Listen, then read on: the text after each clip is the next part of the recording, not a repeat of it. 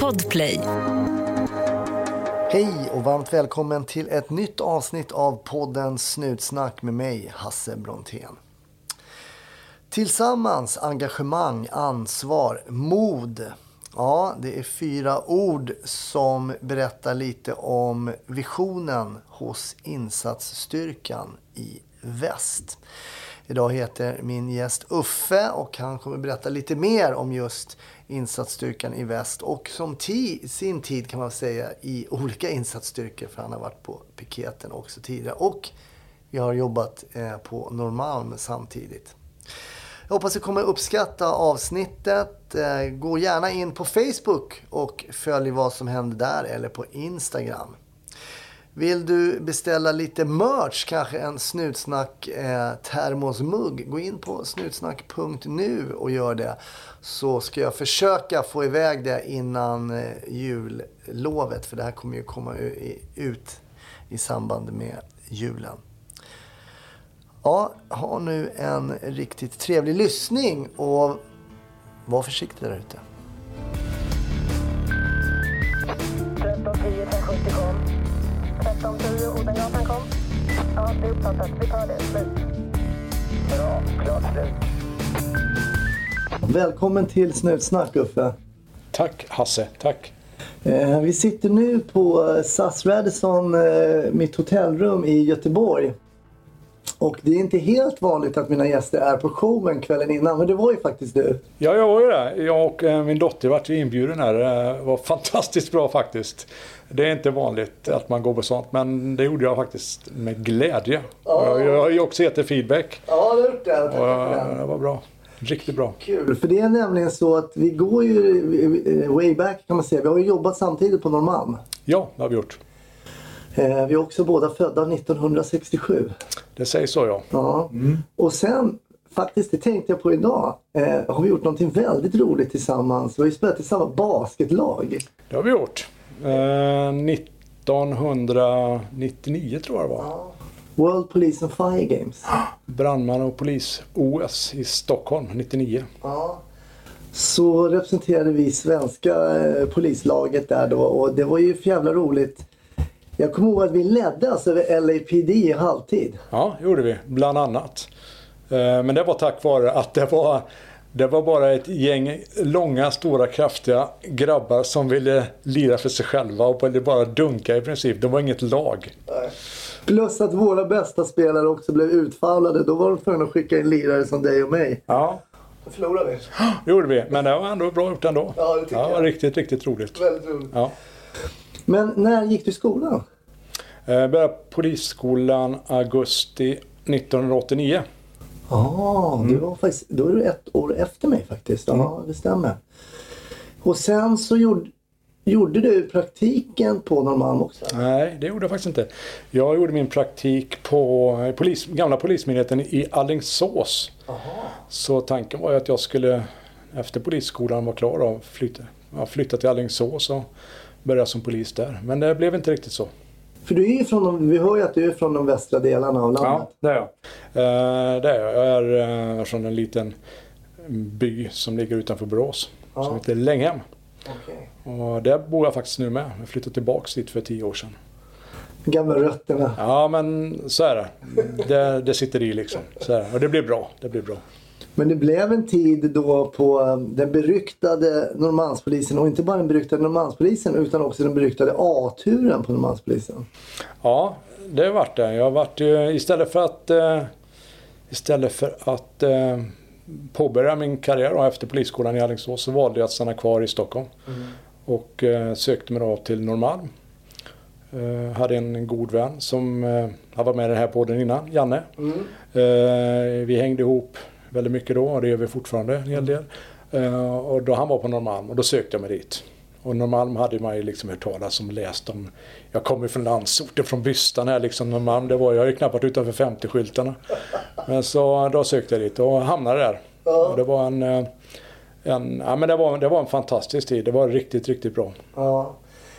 Nej men det var ju bra på hela Norrmalm ska jag säga. Men ni stack ju ut. Ni hade ju en del sköna lirare där i den där A-turen. Och det var väl också eh, liksom det stannade kvar en del herrar där från en, en äldre tid på något sätt. En annan era. Eh, som... Eh, det var ju, jag tror jag berättat det i podden för jag gnetade ju någon gång hos er och då fick man ju ställa sig upp när vakthavande kom. Hade ni yngsta eh, polisassistenten va? Ja, men jag, jag ska se om jag kommer ihåg rätt där. Jag tror att det var som så här, att den som var yngst i tjänst Ja. Fick vad som kallas hetsvakt. Man hade ju något liknande i lumpen om jag inte minns minne med att när befälen kom in så skulle man stå upp. Och, eh, det var något liknande här, att man skulle stå upp när vakthavaren kom in. Så var det. För det var ändå under en tid av förändring. För så var det inte i min tur. Jag var ju i E-turen var jag. Just det, med Björneberg. Och eh, där stod vi inte upp. Nej. Så det var, en lite, det var lite skillnad liksom på A. Och så blev det lite mer skillnad på B och sen gick det ner och neråt liksom. Så var det ju... E, e var längst ut nästan. Det var F som var F-turer. G, H var det till och med. Det var åtta turer. Ja, åtta turer. Det var A till H. Ja. Ja men det var en del. Janne har ju varit gäst. Sen hade ni Totte och eh, Per-Rune och ni hade erat, erat, eller eran, erat yttre där, Bosse. Som man åkte med någon gång och Ja. blev... Det var, jag vet inte om jag ska förklara för lyssnarna. Det var ju liksom en tid där polisen fortfarande liksom... Ja, Jag vet inte men det fanns en viss eh, rädsla för Norrmalmspolisen om om jag kan uttrycka mig så lite grann i alla fall. Ja, men, alltså så var det ju lite grann. Alltså, det, fanns, det, alltså, det var ju en stark, stark myt om pol- om Norrmalmspolisen, det får man ju säga liksom. Nu var vi ju där, i alla fall jag då, var ju, eller vi var ju där 90-talet då. Men det var ju mycket eh, myter och, och sådana saker om Norrmalmspolisen, hur, hur man arbetade med, med så kallade särskilda metoder under 70, 80 och även 90-talet då. Men, men, men jag kan ärligt säga nu 30 år senare i princip, eh, ja, åtminstone 25 då, att eh, de, de sakerna, det var ju liksom aldrig någonting man såg. Jag, jag vill påstå att under den tiden jag var där, det var ju extremt duktiga och välutbildade och noggranna medarbetare som jag arbetade ihop med. Även i A-turen alltså. det var ju, man fick ju en väldigt bra fostran där. Eh, eh, vad gäller avrapportering och med allt vad det innebär. Och, alltså det var, det var en fan, för mig var det en riktigt bra tid. Och sen var det väldigt, väldigt roligt också. Eh, kanske den, inte den typen av ledarskapet som, som, som, var, som hade funkat idag. Det tror jag inte det hade gjort. Alltså, men, men det var ändå en, en tid där det var eh, stor vikt på kamratskap. Och då pratar vi inte kåranda utan mycket god kamratskap. Och gjorde man fel då fick man reda på det. Gjorde man någonting bra då fick man också reda på det. Eh, Så det, det, är- när jag ser tillbaka på den tiden, nu var jag bara två år på Norrmalm. Och två år i A-turen där. Eh, Så, så är det ju det är bara glädje som jag ser tillbaka mot. Det var, det var en bra start i min poliskarriär kan jag faktiskt säga, ärligt. Ja, och det, det var ju hög omsättning på jobb. Det var ju aldrig liksom, det var inte så mycket rast och ro. Det var Nej. inte. Det var väldigt mycket jobb. Och det var, det, man var, det var ju det vi var kända för. Det, är liksom, det rullade på hela tiden. Och klart, jobbar man i, i, Stockholm city då finns det ju att göra hela tiden också. Så är det ju. Men sen sökte du till piketen va? Det gjorde jag. Jag började på Norrmalm då 92 direkt efter polisskolan efter EM 92 i fotboll där. Vi kom ut lite tidigare faktiskt från polisskolan en månad för att vi skulle vara med på EM i fotboll där. Ehm, Då var jag faktiskt med i piketen. Det kallas för, för, för förstärkningspiketen. jag kommer ihåg det. Jag kommer ihåg det. Var du också med där? Nej, det var jag inte. Eh, Jag hamnade i någon eh, ordningsgrupp där. Och, jag vet att jag var... EM, vi hamnade ju direkt i EM-kombineringen någon gång i slutet, kan det ha varit i slutet på maj eller någonting sånt där. Och jag tror att det var, om det var andra eller tredje dagen, så var vi ute på Gärdet. Det var någon stor, eh, det var sån här, typ en stor festplats för fans där ute. Och det var ju knappt några fans, det hade inte kommit igång någonting. Men det tog, det tog, det tog en timme eller två så var det en som hade, han skallade ner mig. Det är egentligen enda gången jag har fått en, en, en smäll. skallade stenhårt rätt på näsan vet du, så jag for i backen där. Och han var väl, det var väl, ja det var inte många av av fans som var där. Och vi skulle omhänderta han för fylla, inga konstigheter. Han var berusad. Och eh, man var ju inte riktigt van, hade inte erfarenheten hur man skulle agera och var väl inte på tårna direkt. Så det small stenhårt så jag åkte i backen, näsan flyttade på sig och, och blodet började rinna. Och sen, men det var ju att det fanns ju säkert 50-60 poliser där som skulle ingripa samtidigt.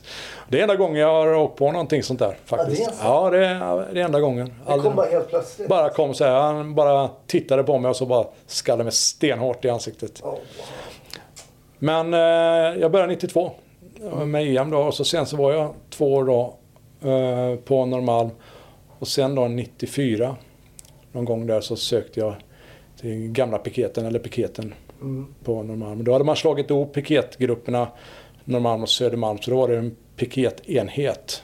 Var det då ni flyttade ut mot Essingen där? Eller? Nej, då, flytt, nej, då hade vi, var vi uppe i Kronoberg. Ja. Högst upp i gamla, gamla huset. Jättefina gamla lokaler. Där var vi. Alltså jag tyckte personligen att det var tråkigt att hela det här att flytta. Det var kul att ha. Det var ja, kul att ha, men det var väldigt bra att ha en piket i varje turlag. Ja. Man lärde känna sen sina, liksom, de i, i ens piket så att säga. Och när man var ute och jobbade så kunde man ringa till dem och så kom de och stöttade upp och, och så vidare. och så vidare. Sen hade man ju de, eh, de i turlagen bredvid också som man lärde känna. Och så där. Det var, jag tycker det var en tid där man hade för mig är strukturer viktigt. Liksom. Ja. Det var väldigt strukturerat. Ja. Alltså turlagen på Norrmalm på den tiden, liksom, jag vet vi hade utsättningar, vi kunde ju vara, ja, men det kunde vara en 30, en 30 pers liksom, som skulle ut. En, en piket, kunde vara hundförare, några civila och så ett antal radiobilar. Och så fanns det ÖVS-bilar då, som, som åkte lite mer fritt. Och, ja, det, var, det, var, det var, var en kul tid. Ja, det var det verkligen. Mm. Skillnaden då, för jag vet nämligen att du jobbar med insatsstyrkan här i Göteborg, men jag tänker att vi kommer till det lite grann och kanske jämföra insatsstyrkan då som du nu som ung liksom, polis kommer in då på piketen eh, mot för idag. Men vi säger då, hur var piketen då eh, på den tiden när du började?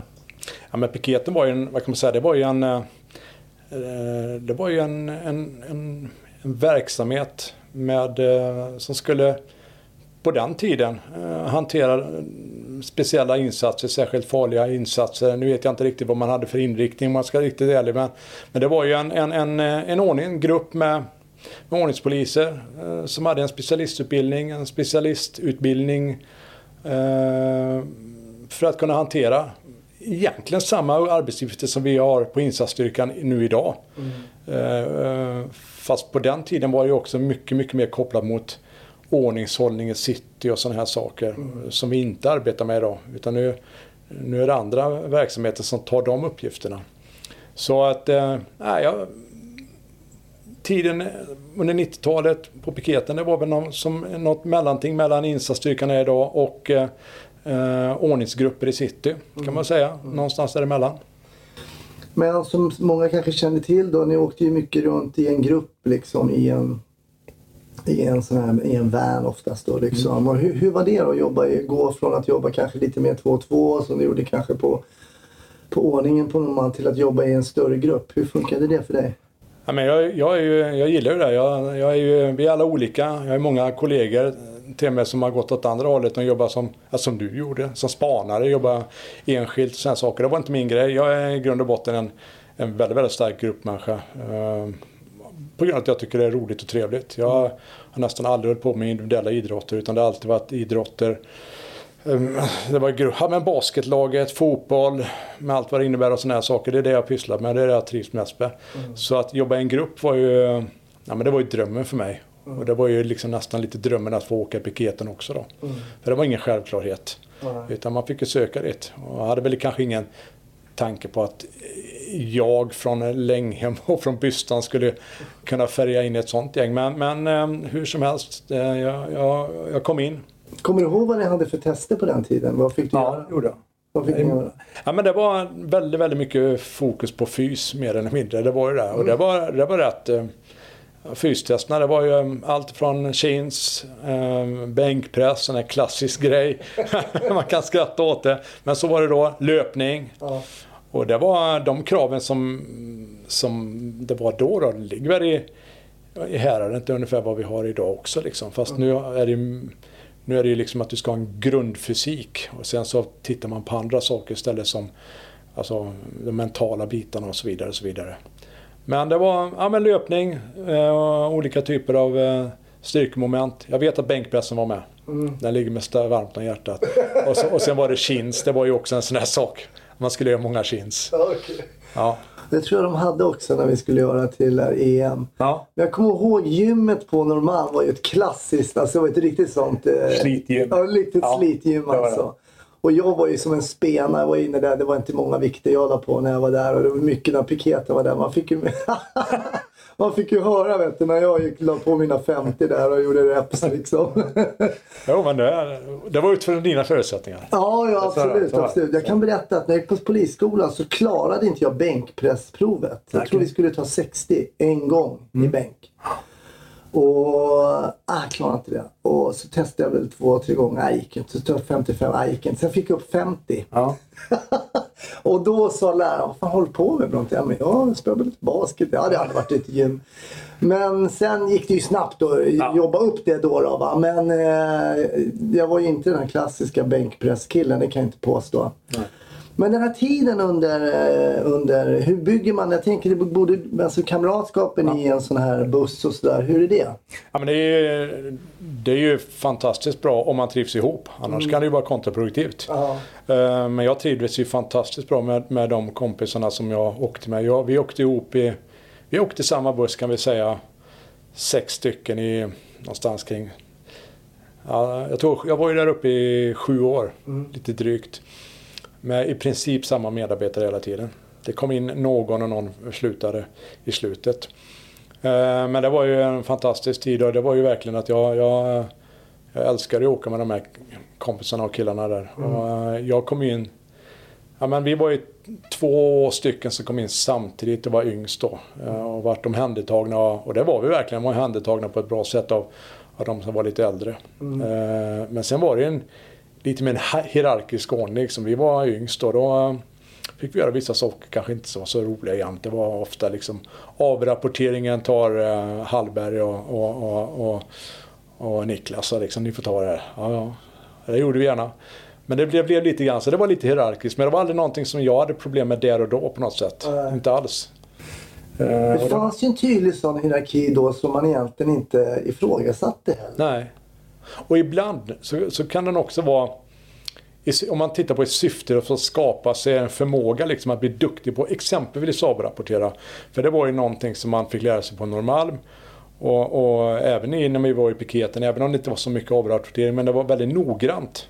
Och min gruppchef han var ju verkligen noggrann med de här delarna. Men, så det var ju liksom inget, det var inget som var dåligt, det var bara att ibland kände man liksom, det kunde vara tråkigt va. Men man blir, ju- man blir ju väldigt, väldigt duktig på att avrapportera vill jag påstå. Sen var jag ingen, en, ingen stekare på det direkt. Va? Men jag var, man, blev, man blev hyfsad. Learning by doing. Ja, mer än hyfsad blev det. Så här.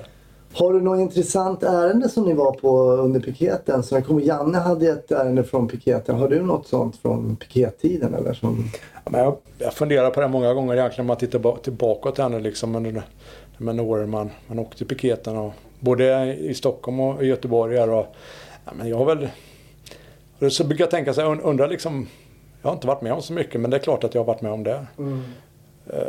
Varför är det så? Alla poliser som jag liksom Ja. pratar med säger att jag har inte varit med om så mycket. Men Du jobbat sedan 89 liksom. Ja. Det är klart det måste vara Och sen, men sen när man börjar och, och peta under den där ytan så visar det sig att folk har ju varit med om hur mycket som helst. Ja men det är klart att det är, men sen får man sina egna referenser. Liksom. Man tycker liksom för, för, för dig eller för en, en, en, en som inte är polis tycker man att det är jätte det här var en jättegrej men för mig är det inte det. Nej. Men det är klart att det är vissa saker eh, har vi etsat sig fast. Eh, eh, både innan jag åkte till piketen och, och även när jag åkte till piketen. Viss, jag kommer ihåg en gång liksom vi, och det var en snurra liksom, det gjorde man ju nattpass och sen så gick man hem och sov och så gjorde man då 17.02 sen ja, om det var helg. Eller så var det 17.01 om det var vardag. Och då hade man ju olika arbetsuppgifter. Jag vet, vi var en gång vi fick åka till till eh, Rissne ja, på nattpasset. Eh, på grund av skjutning då. Och, och det, då hamnade man ju mitt i en, en, en, ett, ett, ja, det var ett oerhört tragiskt drama. Liksom. Det var berusade människor som då hade lekt med en revolver. Ja, spelat rysk roulette. Ehm, och det blev ju jättefel.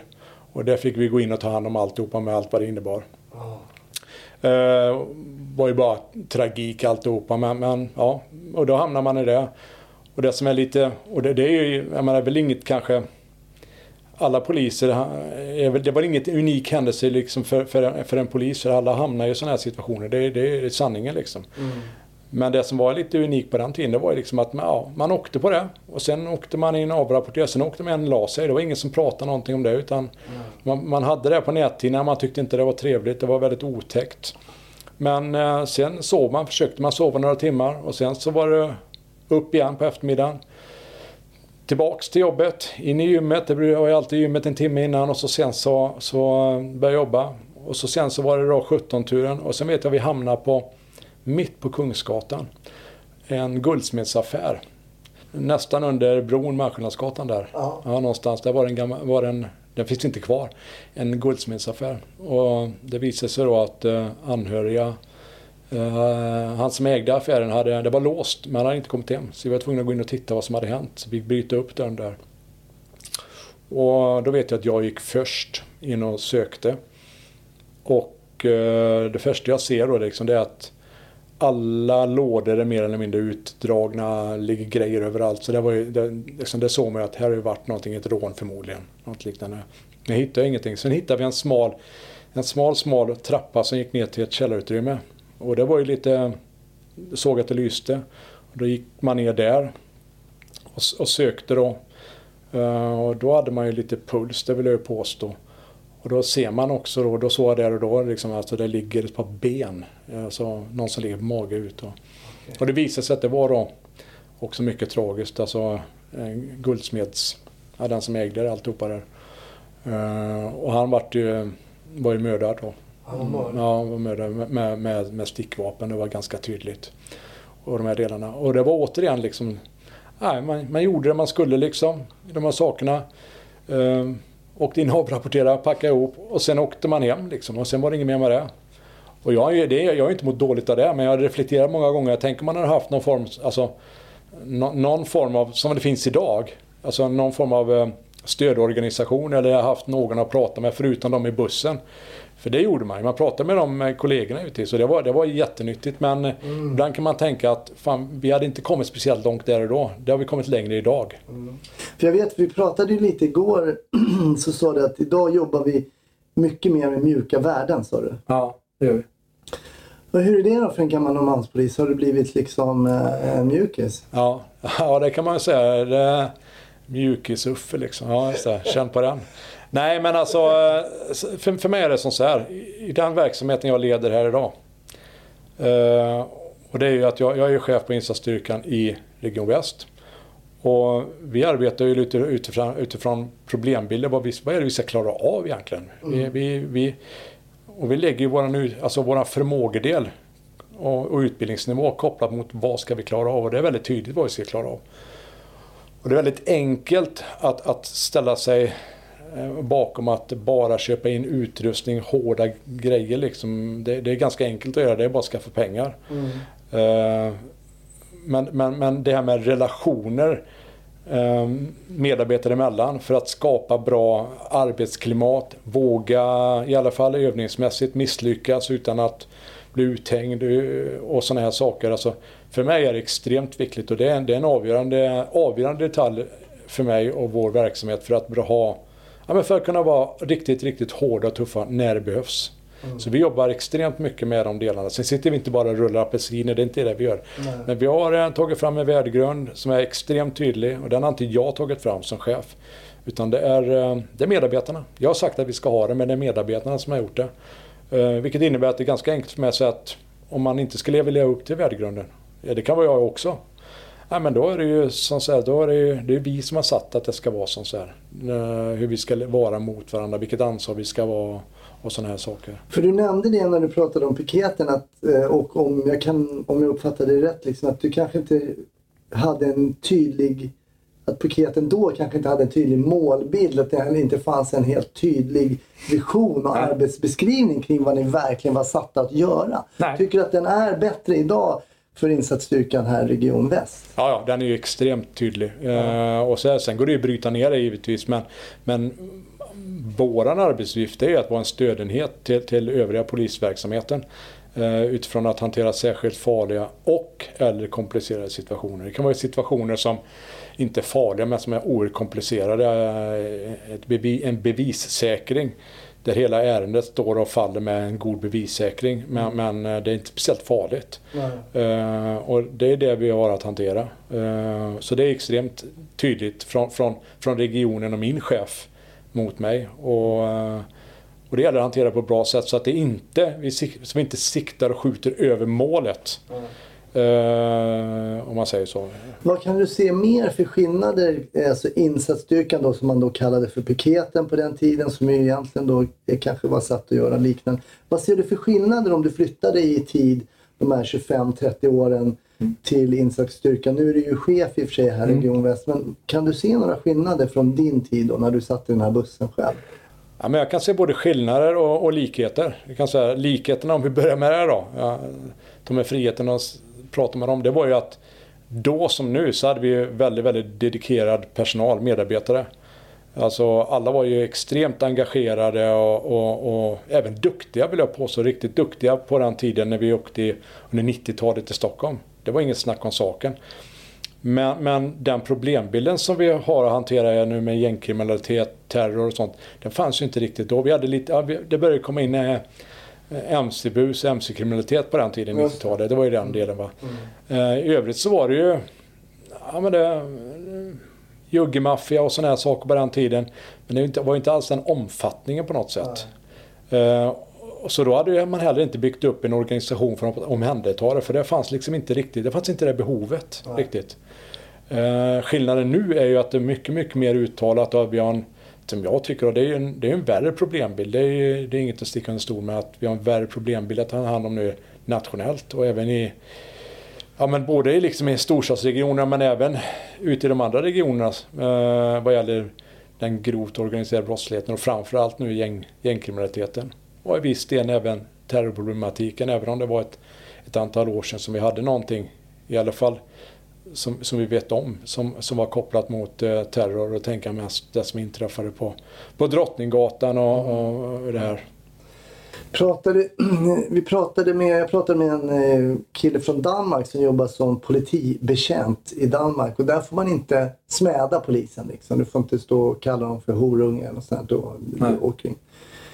Eh, men jag tänker på den här um, kommunikationen som man hade med människor till exempel på Norrmalm och sådär jag måste ändå känna fortfarande när jag jobbade i uniform så att det ändå fanns en viss respekt. Även om man tyckte att den givetvis skulle ha varit ännu mer då när man jobbade. men, men att den kanske har slipats bort under åren och att man bemöts eh, i vissa fall då ska jag säga, inte alltid, det finns ju folk som eh, uppför sig verkligen. Men, men i vissa fall när vi är nere på den listan med de som inte, så är det väldigt, väldigt grovt liksom bemötande. Ja. Eh, hur, hur tar dina medarbetare sånt och det är det någonting ni diskuterar? Nej, egentligen inte. Alltså, vi ju, har ju inte de arbetsuppgifterna att konfrontera på det sättet riktigt. Nej. Så som exempelvis eh, områdespoliser har, som jag, alltså, som jag verkligen högaktar. Områdespoliser som jobbar i de här särskilt utsatta områdena som både ska vara gränssättande men även liksom kommunicerande eh, med, med medborgarna och även de som är kriminella och till och med grovt kriminella. Mm. De, jag, alltså jag måste säga högakta dem för det är ju framförallt de och de som åker radiobil ute som blir utsatta för det här. Mm. Som jag tycker är, det är helt oacceptabelt. Att, att man som, som polis ska bli, bli bespottad, smädad med, med, med, med kränkningar och, och sådana här saker. Mm. Bara för att man är en, en, en, en tjänsteman som har uniform på sig för, som är satt att hålla ordning i, i, i samhället. Mm. Uh, men, men det, vi, vi, vi hamnar sällan i de situationerna. Det gjorde vi när vi åkte i piketen givetvis i Stockholm. Då var det ju mer som en ordningsgrupp på den tiden. Och då var det en, det var en arbetsvift. Och jag håller med dig. Då, då, den erfarenheten jag har från den tiden, det var ju liksom att då var det ju... Ja, men det, var, det var inte mycket man blev utsatt för smädelse på den tiden. Och var det så, då, då, då fick man ju ingripa mot det. Mm. Nu är det mycket, mycket svårare för de här som arbetar i de här områdena. De ska vara både gränssättande och sen ska de även vara liksom att, att kunna kommunicera för att ha, få ordning och reda och få en bra få en bra, vad ska man säga, ja, men, hålla en bra nivå på, på, på själva området de arbetar i. De ska ju vara där hela tiden, arbeta mot medborgarna.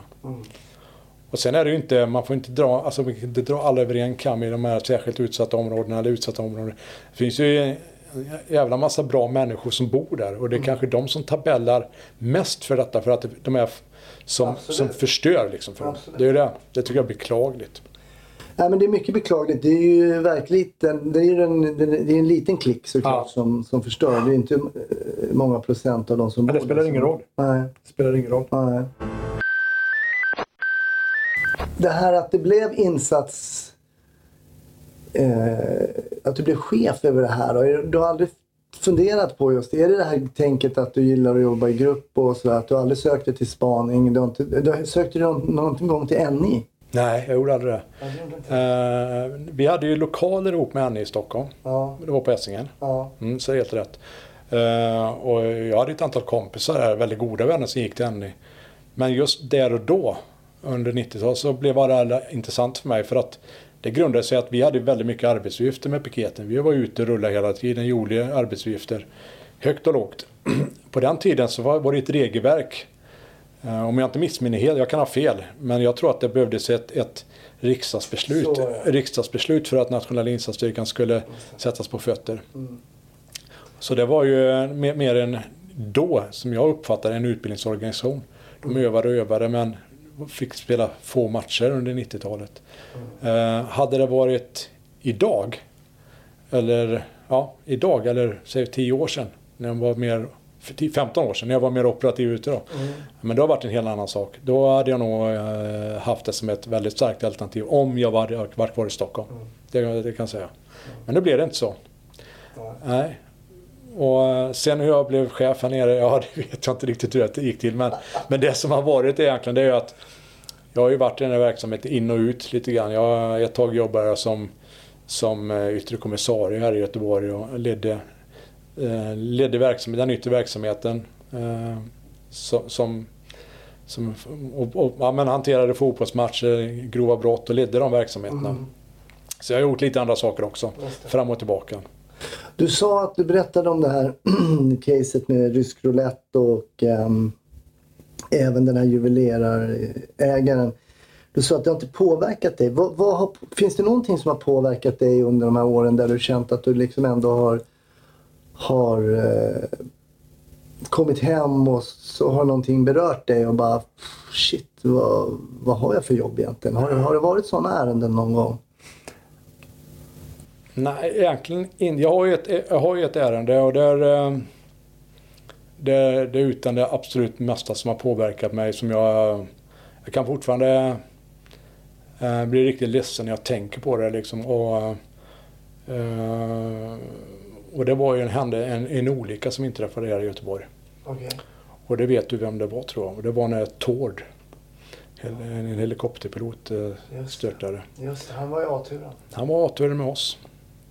Med mig. Och, eh, och han eh, var en fantastisk människa. En extremt duktig ordningspolis. Eh, oerhört duktig. Och sen blev han helikopterpilot. Och det krävs väldigt mycket för att bli det. Tror jag. Och han blev det. Och till slut så hamnade han här i Göteborg. Och blev även baseringschef. Och då var jag ytterkommis. Så jag åkte mycket ensam. Vilket innebar att jag, jag hade mycket kontakt med honom och var ute och flög i vissa ärenden med honom rätt mycket. Och, och eh, när den här olyckan, helikopterolyckan inträffade, det, det, det tog mig väldigt, väldigt hårt. Och det var bara tills för några år sedan som jag hade svårt att prata om det utan att få eh, tårar i ögonen. Alltså.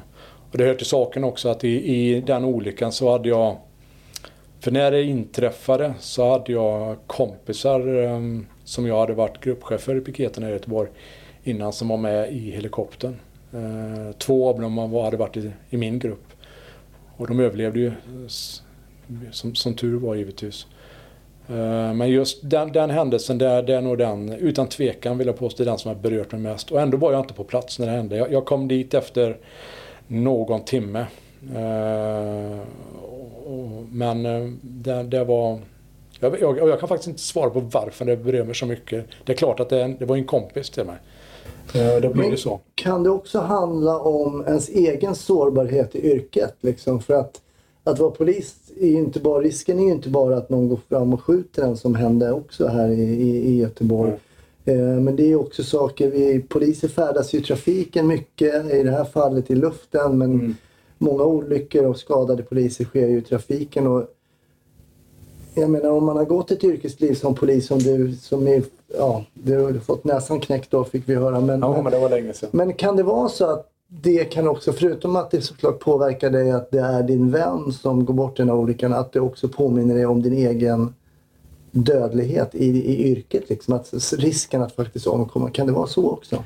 Det kan det vara, men det har nog inte varit speciellt riktat mot... mot jag hade tänkt så mot mig själv. Men, men jag kan ju tänka mig, exempelvis, jag har ju en fru som är polis. Och som är, eh, jobbar i yttre tjänst. Och där kan jag ju känna så ibland när hon åker och jobbar liksom att jag kan känna en eller det, det, jag kan känna en oro liksom hur, om det skulle hända henne någonting. Liksom. Inte minst det du pratar om själv och det som kanske är det allra farligaste vi gör. Det är att köra bil, alltså i hög hastighet med allt vad det innebär.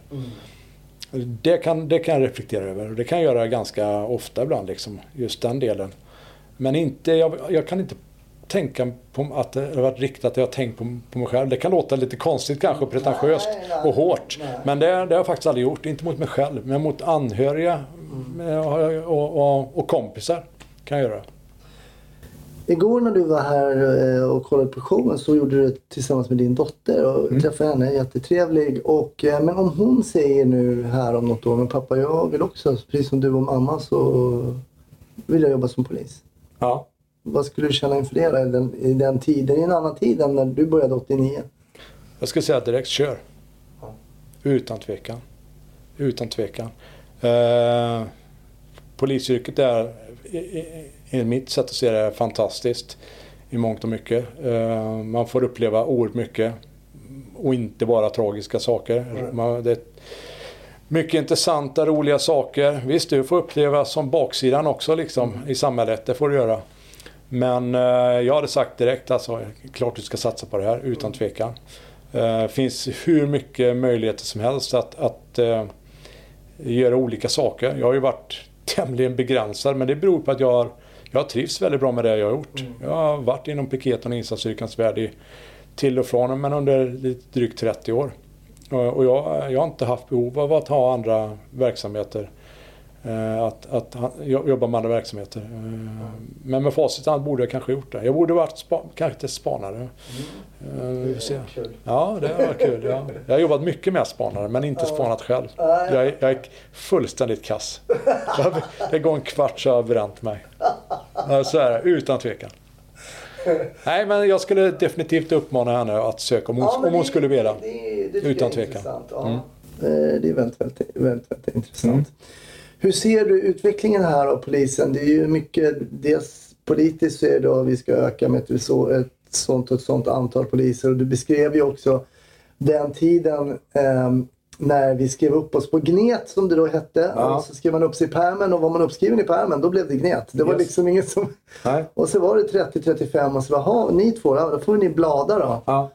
Så ni, går runt, ni får gå ett pass runt Plattan och, och sådär. Gnet, är måste det- förklara. Gnet var ju, är ju övertid. Gnet är övertid, ja, Ja, precis. det är Stockholmsslang. Det är Stockholms Säger man inte det här nere? Eh, nej, här säger man skav. Skav. Ja, skava. Att skava. Ja, skava. Men choxa då? Säger ni det här nere? Ja, jag säger det. Och jag har fört in det. Men nu ska vi inte prata om så mycket choxa, men Nej, men vi kommer, jag måste ändå förklara för Ja, det måste vi göra. För att, att göra ett chox är helt enkelt att göra någonting som inte är relaterat till arbetsuppgiften. Till Nej. exempel att förr i tiden smita in på banken och Ja. ta ut en peng eller något sånt där. Ja. så var det förr. Oftast lite o- små oskyldiga grejer Ja. eh, som kunde göras på ett smidigt sätt. Som till exempel Kjell Östling berättade, det var ju nästan ett chox där under natten när Palme mördades när han var och flyttade kolleg, piketkollegans bil. Ja, Eh, uppe på, ehm, ja uppe någonstans vid Malmskillnadsgatan tror jag det var om jag inte missminner mig. Men det blev ju också ett polisspår. Vad gör en Södermalmspiket inne på Norrmalms distrikt och i samma natt när statsministern blev mördad? Ja, för då kan man ju också säga på den tiden, eh, då var ju Södermalm, Då höll man sig på Södermalm om man jobbade där. Om Ja. man var på Norrmalm så höll man sig på Norrmalm. Och framförallt om man var på Östermalm. Då var man på Östermalm. Då hade du egen polisstation. Och det var ju tämligen begränsade ytor att åka på liksom. Det var ju jättesmå ytor men så var det. Ja. Östermalm fick ju alltid lite skit för de hade ju då, det känner kanske inte lyssnarna till, men Östermalm hade ju ingen egen arrest. Nej. För de var ju då stationerade i en byggnad, samma byggnad som en kyrka. Ja, Och tyckte att det, det fann man högst olämpligt då att berusade personer skulle synas i samma. så var det. Så de fick ju komma upp på Norrmalm och det hörde man ju både de ena och andra gliringarna när Östermalmskollegorna kom upp. Har ni spets på fillingarna och sånt där? var det ju folk som frågade Östermalmskollegorna. Men det var ändå en... Jag kan inte låta bli att och se tillbaks på den tiden som väldigt, väldigt lustfylld. Och, liksom, och även om de här gliringarna ibland petade lite i sidan så, så var de oftast väldigt liksom, skämtsamma och folk kunde ta det med en klackspark. Så. Men idag kanske inte alla skulle, de här äh, gagsen skulle funka. Jag vet inte. Nej, det kan vara så.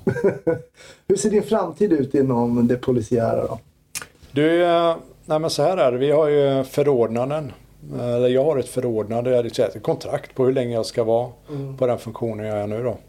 Eh, De är på fyra år. Eh, Jag har haft fyra års, ett förordnande på fyra år som gick ut här för några månader sedan. Och då fick jag förlängt fyra år till. Eh, Och sen får vi se vad som händer och sker. Eller för några månader sedan, det är två år sedan. Så jag har, jag har två år kvar om ett sista fyraårsförordnande. Sen vet jag inte riktigt vad jag ska göra. Det, det är, just nu så, jag lever här och nu.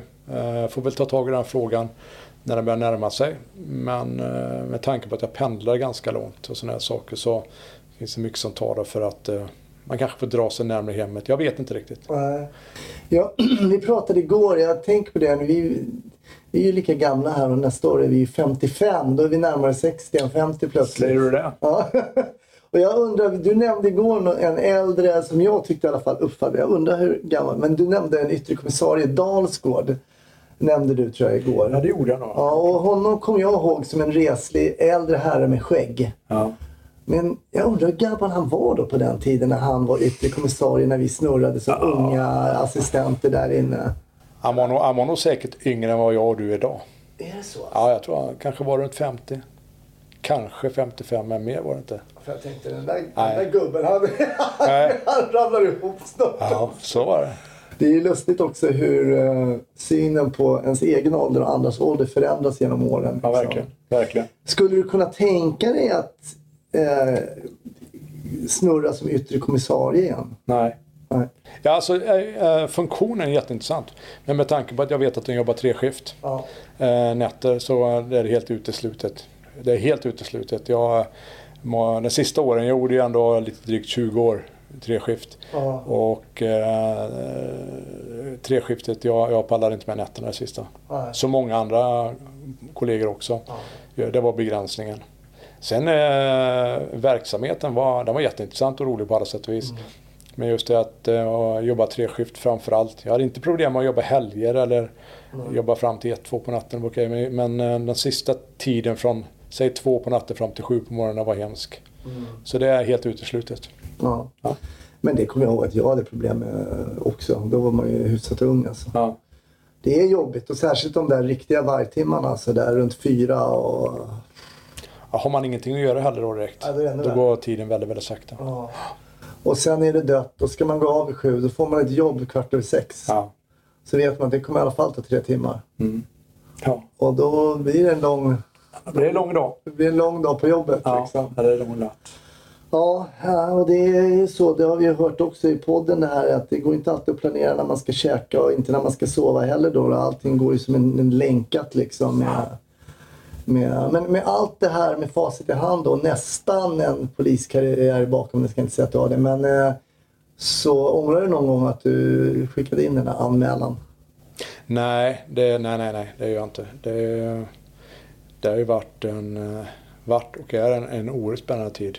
Jag tror den mest spännande tiden eh, i hela min den karriär jag har haft, liksom, den är just nu då. Med, den, med den verksamhet jag driver. För nu är det mycket liksom att det handlar om att driva verksamheten, utveckla den och eh, förändra vissa delar utifrån det behovet vi har. För det ska bli så bra verksamhet som möjligt.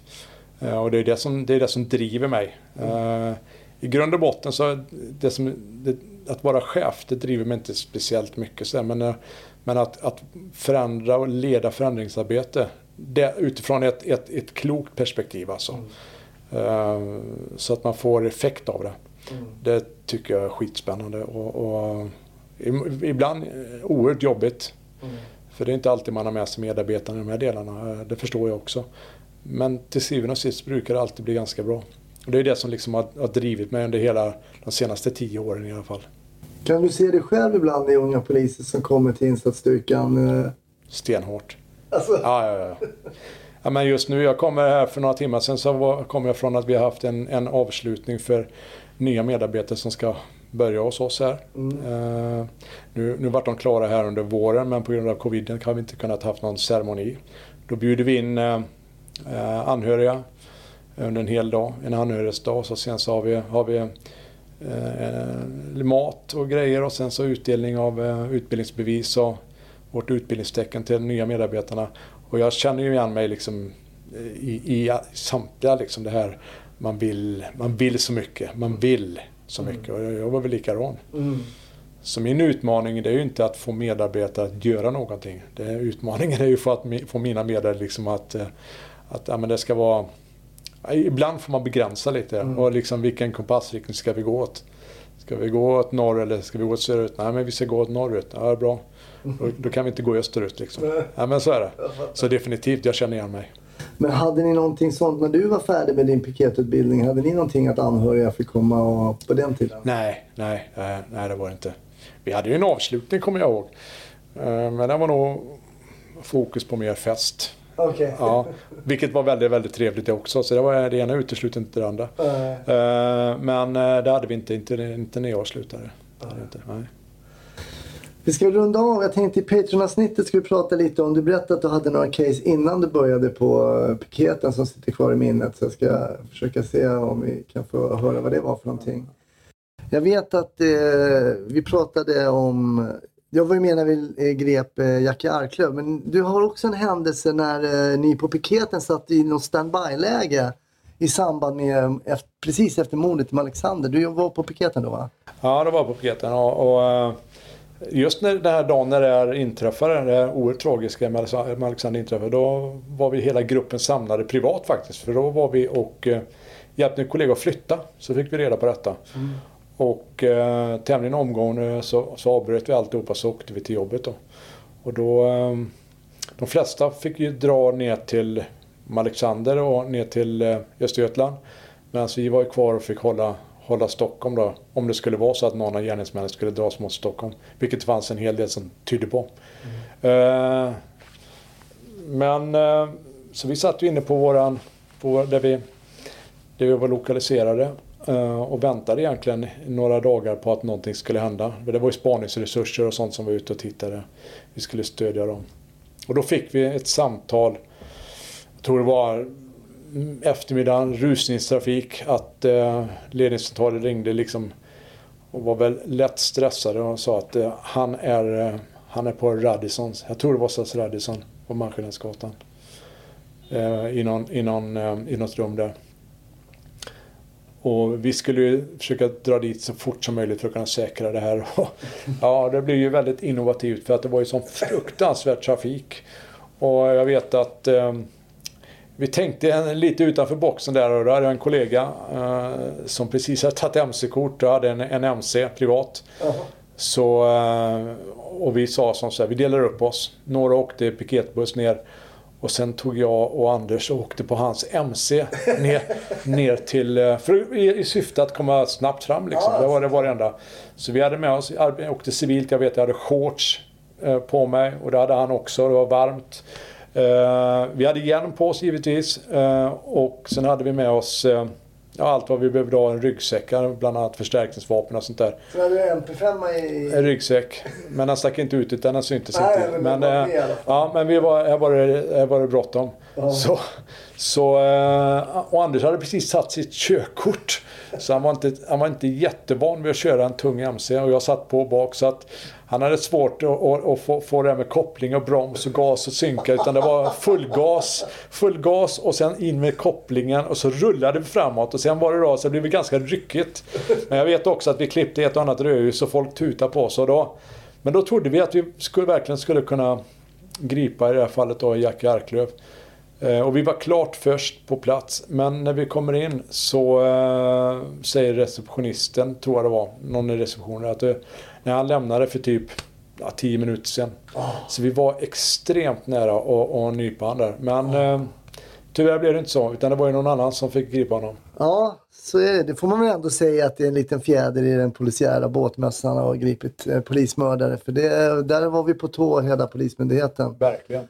Och det var... Eh, Nej, det får jag nog säga att det var en ynnest. Jag har alltid tyckt att det varit en ynnest att gripa, att gripa bovar. Men det här ja. var ju såklart eh, någonting man verkligen ville göra. Ja. Men där tänkte ni utanför boxen vill jag lova. Ja. Och det, det gjorde vi och det, det kan jag säga att det, det såg vi arbetar i min verksamhet idag. Liksom att, eh, jag, jag har en vision, eller vi har en vision, en vision som jag satte för verksamheter där, där det bland annat finns ett ord som heter innovativt. Mm. Och jag, jag, jag verkligen trycker till mina medarbetare att Alltså använd det innovativa i våran vision liksom. I allt vi gör liksom. Bara det finns ett syfte med det. Ja. Bara det finns ett syfte med det. Eh, klä er anpassat, eh, gör vad ni vill, bara det finns ett syfte med det. För det, det, det, är, en, det är en framgångsfaktor. Och, och framförallt att man, man, man låter medarbetarna liksom tänka fritt liksom, för att mm. få en bra effekt av någonting. Det kan vara alltifrån en, en kort insats på 10 minuter till en strategisk sak för att förändra någonting kanske eh, på något år. Mm. För jag kan tycka att någon gång har man känt faktiskt, eller man, jag säger jag, att när man hålls tillbaks, liksom, man kanske har tankar och idéer och sådär. Och Polismyndigheten är nog så mycket en koloss på lerfötter som den är. Liksom. Och när man kommer ner på gruppnivå och chefsnivå så, så tycker jag att det där är ett bra tänk. Ja, och, men det, det är ett tänk som är, för mig är det ganska det, ja, det, är ganska ansvarsfullt att tänka så och för mig är det helt normalt. För att hos mina medarbetare finns liksom kraften kommer ifrån. Det är de som kan verksamheten, det är de som driver verksamheten. Mm. Då måste man också liksom premiera de här sakerna släppa lös där och våga liksom våga släppa handbromsen. Mm. Sen ibland får man ju liksom hålla i handbromsen också så att det inte drar iväg. Va? Utan man ska gå i rätt riktning. Varför vi finns till. Men, men oavsett då liksom, det här innovativa och medarbetardrivna. Det är kanske ett populistiskt ord medarbetardrivet. Men ändå på något sätt ganska bra. Hos oss är det verkligen så vill jag påstå. Där, där är det mycket medarbetardrivet. Mycket egna projekt. Eh, mycket driv eh, i verksamheten. Och, och, och, vi har ju en, en vision som är satt och den, det är den som eh, medarbetarna följer fullt ut. Liksom. Mm. Så det, det känns riktigt bra. Men våga nyttja den samlade kompetensen. Mm. Intressant. Men innan vi rundar av så tänkte jag höra hur det är. Jag tänker du är polis, din fru är polis. Sitter ni och bara kollar på polisfilmer hemma eller? Nej, det gör vi definitivt inte. Eh, å andra sidan, jag gillar ju polisfilmer men eh, Eh, men då ska de vara bra. De ska, mm. Som jag tycker är bra. Då.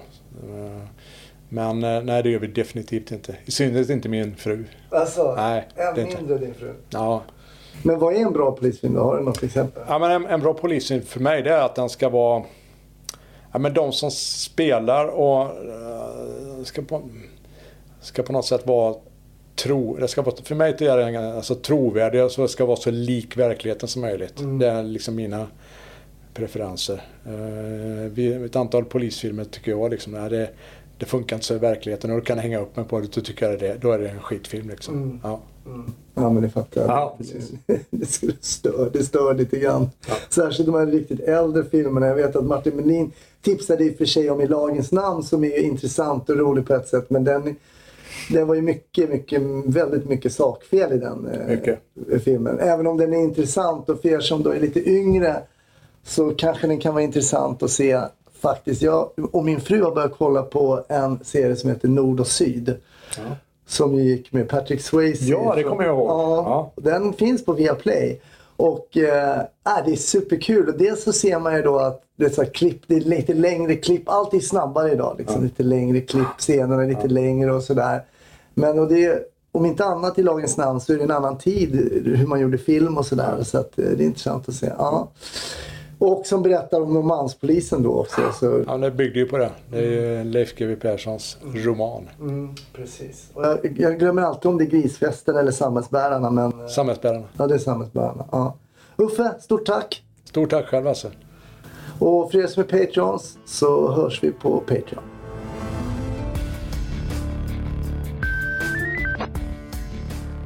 Stort tack! Snutsnack är över för den här veckan. Men vi är tillbaka i nästa vecka. Ny gäst, nytt spännande samtal.